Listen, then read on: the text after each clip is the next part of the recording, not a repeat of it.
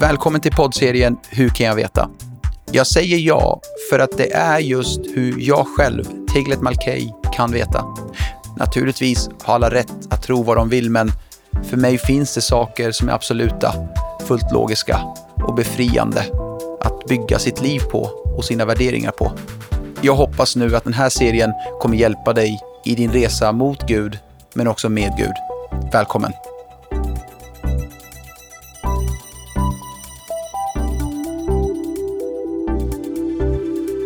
Jag veta att Gud älskar mig? Välkommen till den sista och avslutande delen i vår serie Hur kan jag veta? Johannes 11 har en mycket intressant berättelse. Vers 1 säger att en man som heter Lazarus var sjuk. Han var från Betania, den by där Maria och hennes syster Marta bodde. Det var Maria som smorde Herren med välluktande olja och torkade hans fötter med sitt hår. Och det var hennes bror Lazarus som var sjuk. Systrarna skickade då bud till Jesus och lät säga Herre, den som du har kär ligger sjuk. Observera att de sa inte att det var Lazarus som var sjuk. De, han visste dock att det var systrarna som sände budet, men de sa bara den som du har kär ligger sjuk. På det sättet visste Jesus att det var Lazarus som var sjuk. Det säger mig att han måste verkligen ha älskat honom. Vers 4. Jesus hörde det och sa, denna sjukdom ska inte sluta med döden. Den ska bli till Guds ära, så att Guds son blir förhärligad genom den. Följande två verser är ganska viktiga, så eh, snälla, eh, lyssna noga. Vers 5. Jesus älskade Marta och hennes syster och Lazarus. Så, när Jesus hörde att Lazarus var sjuk stannade han i två dagar till där han befann sig. Den här versen är konstig om du skulle tänka på det lite närmare. Vi läste inte eftersom Jesus älskade honom så sprang han dit. Utan vi läste att Jesus älskade honom så han stannade två dagar till. Det hade varit mer förståeligt om det hade stått han älskade dem, men han var tvungen att stanna två dagar till. Men vi läste han älskade dem så han stannade två dagar till. Det här får mig att fundera. Varför? Om du nu älskade honom, varför tillät du honom eh, lida? Varför stannade du i två dagar till när du nu hörde det? I Johannes 11 eh, så pågår det faktiskt två konversationer. En jordisk konversation och en andlig konversation. Faktum är att det alltid är så faktiskt. Den här historien är det precis så. Hör bara vers 11. Eh, sedan han sagt detta sa han, vår vän Lazarus sover, men jag har kommit för att väcka honom. Sover är ett andligt sätt att referera till död väcka honom är ett andligt sätt att referera till att väcka honom från de döda. Vers 12. Då sa lärjungarna till honom, Herre, han sover och om han gör det kommer han bli frisk. De gjorde det för att de hade ett jordiskt perspektiv. De tänkte, om han sover bara så kommer det bli bra. Vers 13. Jesus hade talat om hans död, men de trodde han talade om vanlig sömn.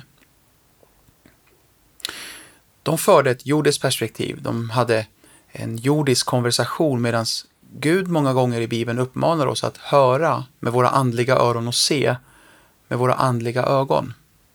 Exempelvis, i den pandemi vi upplever just nu så säger den jordiska konversationen när ska skolorna öppna igen? När ska ekonomin hämta upp sig?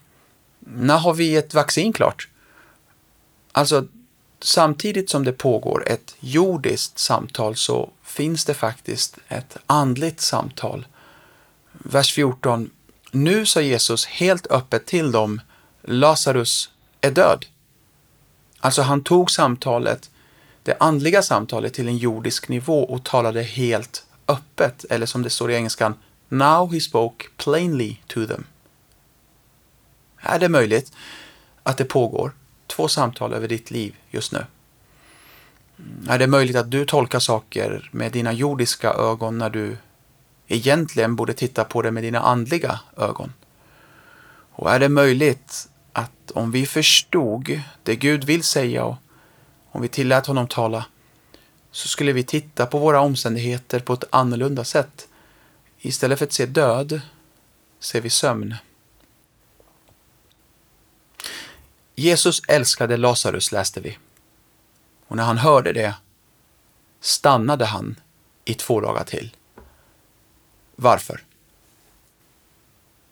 Undrar om när Maria, Marta och Lazarus några år senare kommer till himlen och där kanske mötte de Johannes som har skrivit Johannes evangeliet och den här berättelsen jag precis läst. Undrar om de hamnade i ett samtal där kanske den ena systern sa eh, anta Jesus att, att han var upptagen.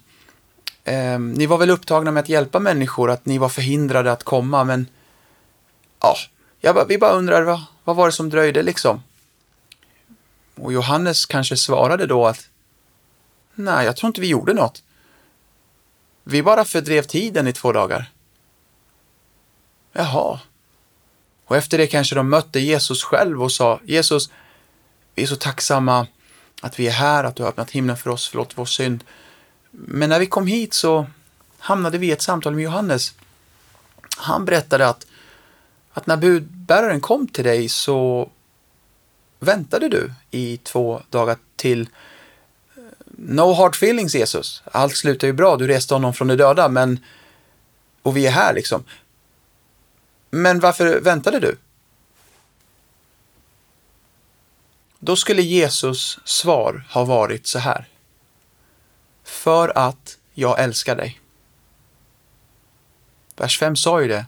Han älskade dem så han stannade. Jag vill ge dig en teologisk sanning som kan faktiskt komma att förändra ditt liv. Så hör det här. Allt Gud gör, gör han i sin kärlek till dig. Till och med hans rättvisa har sin grund i hans kärlek. Psalm 145 säger att Herren är trofast i allt han säger och han är kärleksfull i allt han gör. Jesus gjorde en sak för Lazarus som han inte hade gjort för någon annan människa som levt på jorden. Ja, jag vet att han väckte andra från döden, men inte efter fyra dagar. Lazarus är den enda person han väckte från de döda efter fyra dagar. Änkans son väcktes upp samma dag. Det var judisk tradition att begrava den döde samma dag de dör. Jesus begravdes också samma dag han dog.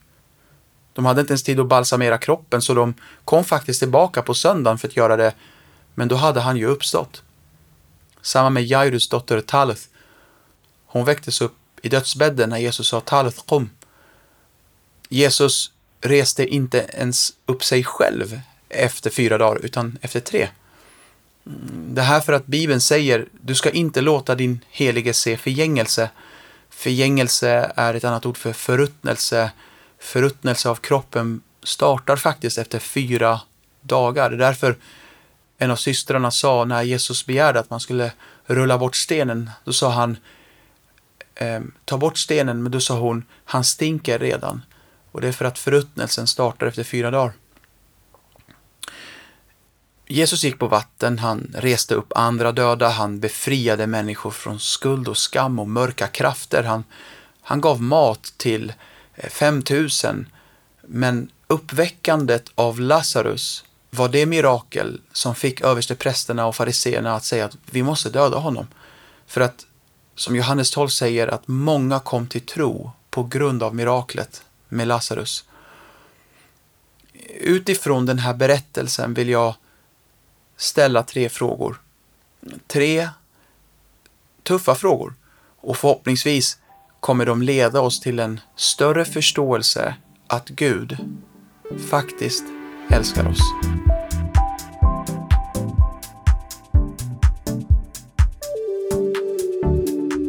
Varför skapade du smärta, Gud?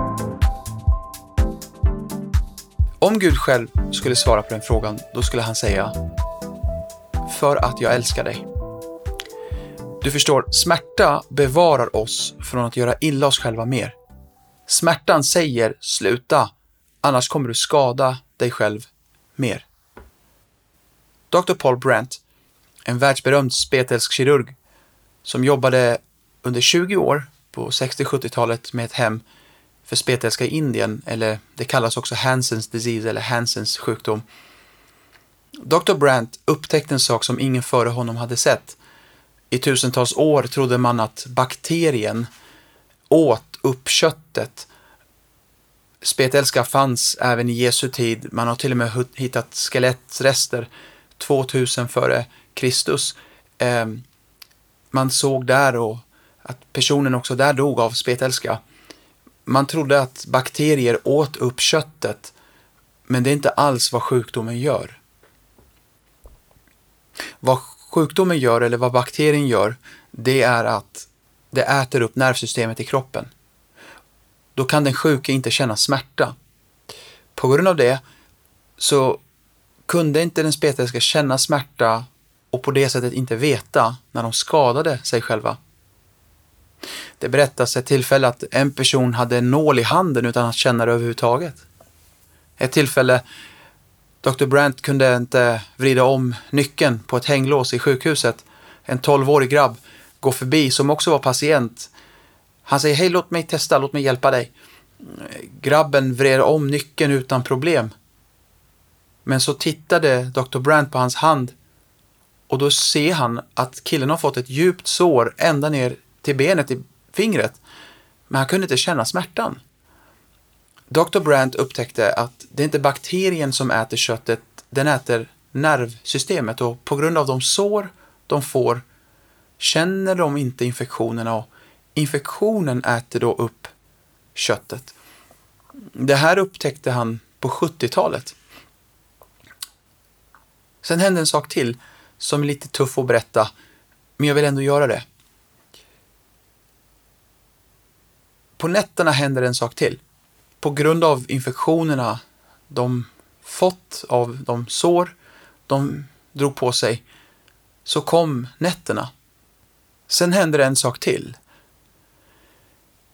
Man satte upp kameror eh, på nätterna där de sov i sovhallarna. För att ofta kunde patienterna vakna med att ja, det saknades en bit av kroppen liksom. Man undrade vad som pågick. Man satte upp kameror för att se vad som hände och, och man gjorde en upptäckt att råttorna kom in på nätterna. Och, och de kunde krypa under deras täcke och äta på deras sår utan att patienterna kände någonting. De kunde vakna dagen efter med att halva fingret saknades. Dr. Brandt, som också var kristen, började be till Gud om en lösning och han fick en idé. Idén var, ge patienterna en varsin katt. Och katterna tog hand om råttorna och höll dem borta. En NBA-spelare stukade foten under en match. Han begärde smärtstillande så att han kunde fortsätta spela. Vid en retur hoppade han och han fick en spricka i foten. På grund av medicinen han fått och smärtstillande så kände inte han smärtan utan fortsatte spela och efter matchen konstaterades att han hade fått sådana permanenta skador i foten att han var tvungen att sluta spela basket för resten av sin karriär. Alltså smärtan försökte säga någonting till honom, men man bedövade smärtan med en spruta. Dr. Brandt utvecklade då handskar till patienterna som på något sätt lät dem veta om de gjorde illa sig själva. Om de höll något för hårt eller varmt eller skar sig själva, då skulle de här handskarna tjuta och blinka. Men de slutade inte jobba, utan vande sig bara med blinkandet och larmljudet. Man la in elektroder i deras nacke för att det är det sista stället de tappar känseln på så att en spetälske skulle känna smärta där. Men istället blev det så att de stängde av knappen istället. Man riggade upp det så att de inte kunde stänga av, men då drog de ut sladden. Dr. Brandts slutsats var Jag fruktar att vi människor och det samhället vi lever i gör på samma sätt. När någonting händer så använder vi medicin för att stänga smärtan istället för att lyssna på den. Tänk om vi skulle fråga vår kropp innan vi sväljer ner medicin. Tänk om lösningen är att sova mer, äta bättre eller hitta nya rutiner. Självmorden bland spetälska är astronomiskt höga. De är mycket högre bland spetälska än vad de är hos människor med andra sjukdomar på jorden.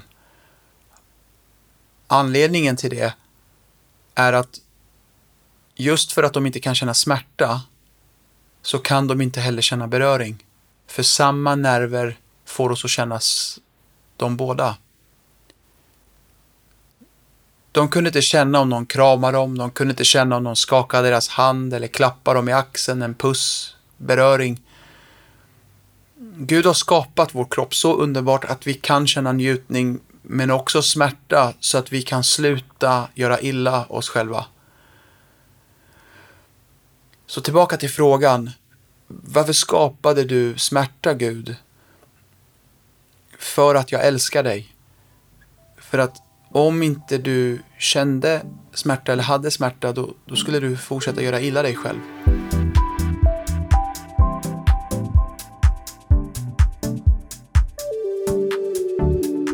Skapade du lidande? Hans svar skulle vara Jag har inte gjort det. Gud har inte skapat lidande. Lidande kom när synden kom. Sjukdom kom in i världen när synden kom in i världen. Samma med fattigdom, krig, våld, orättvisa, till och med covid-19. Allt ont kom in i vår värld när synden kom in i vår värld. Gud skapade en perfekt värld. Men synden kom in och vi sabbade den perfekta världen som Gud hade gjort. Hur kan en god Gud göra det här? Är det här det bästa Gud kan göra? En värld med lidande. I så fall vill inte jag ha honom. Nej, det är inte det bästa han kan göra. Det här är snarare det bästa vi kan göra. Vill du se det bästa Gud kan göra? Då behöver du komma till himlen, hans rike. Gud skapade en perfekt värld, gav den och överlät den till oss. Och orättvisorna vi ser är en konsekvens av synden, inte Gud. Det är självklart inte Guds vilja att barn går hungriga. Det är inte den värld Gud har designat. Om Gud nu hade gjort ett misstag, vilket han inte gör, men om det var något misstag så var det kanske att ge oss en fri vilja och auktoritet över skapelsen. Hela världen är i den ondes våld, säger Bibeln. Världen vi lever i är på grund av oss, inte Gud. Självklart gör ju människor också bra saker. Det finns gott som sker. Att vi hjälper människor, att vi stöttar och att vi bekämpar fattigdom. Det finns bra saker som vi gör, men skäll inte på Gud för saker han inte har gjort.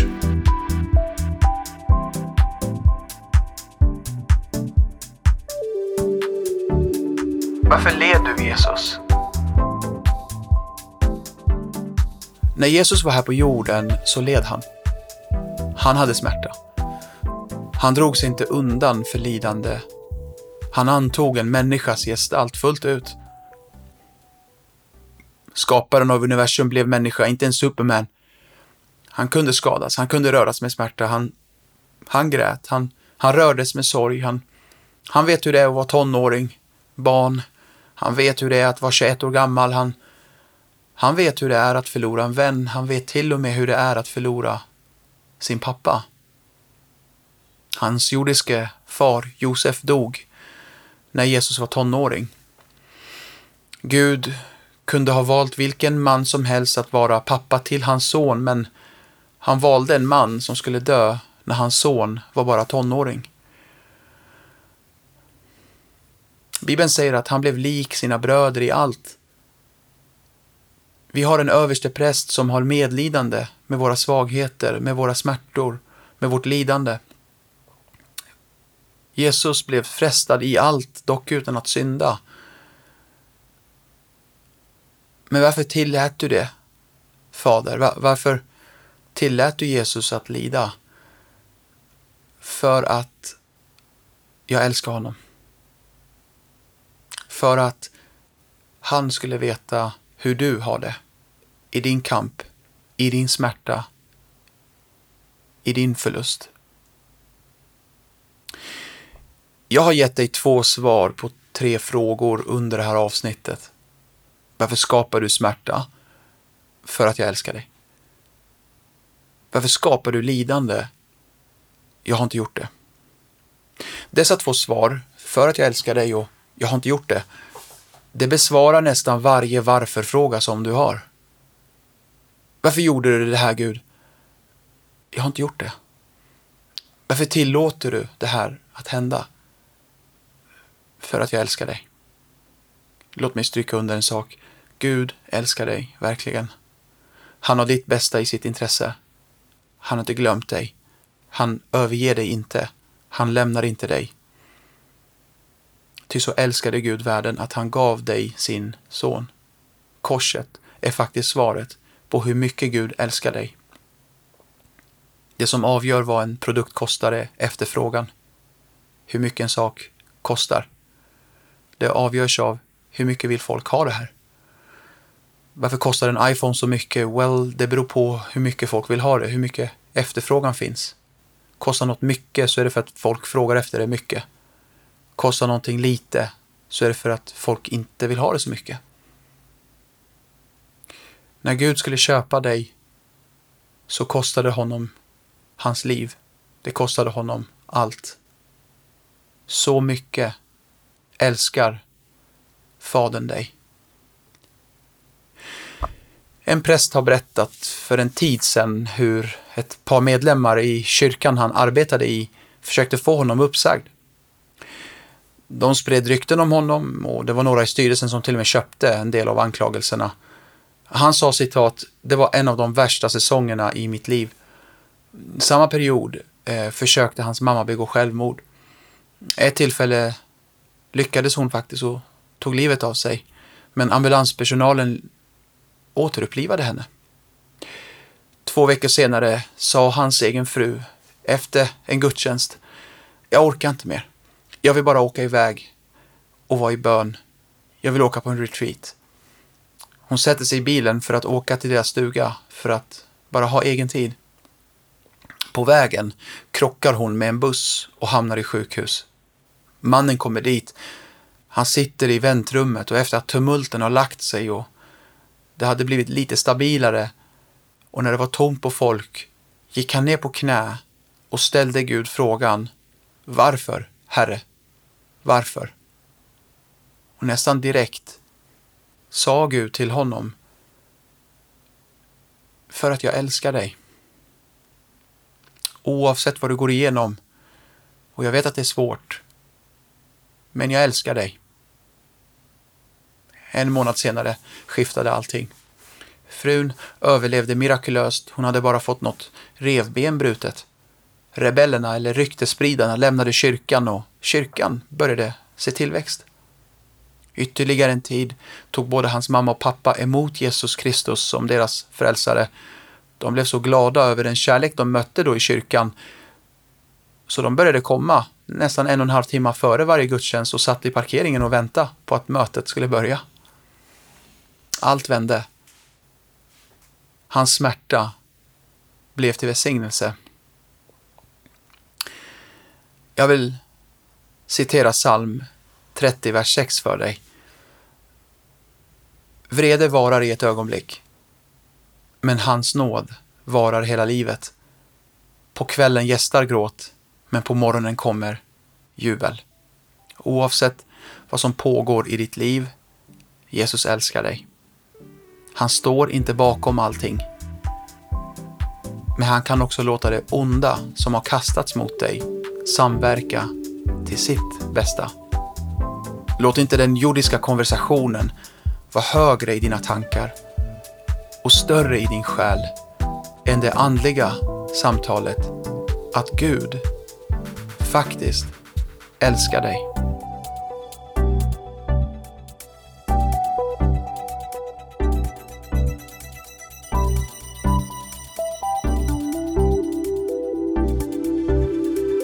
Tack att du har lyssnat. Det här var del fyra i serien Hur kan jag veta? Sprid det med vänner. Låt alla få veta att den finns tillgänglig. Kanske någonting man kan använda i, i olika samlingar, i olika grupper, i alfagrupper eller kanske i konfirmationsgruppen. Oavsett vem du är så hoppas jag att det här har hjälpt dig i din resa mot Gud, men också med Gud. Gud välsigne dig.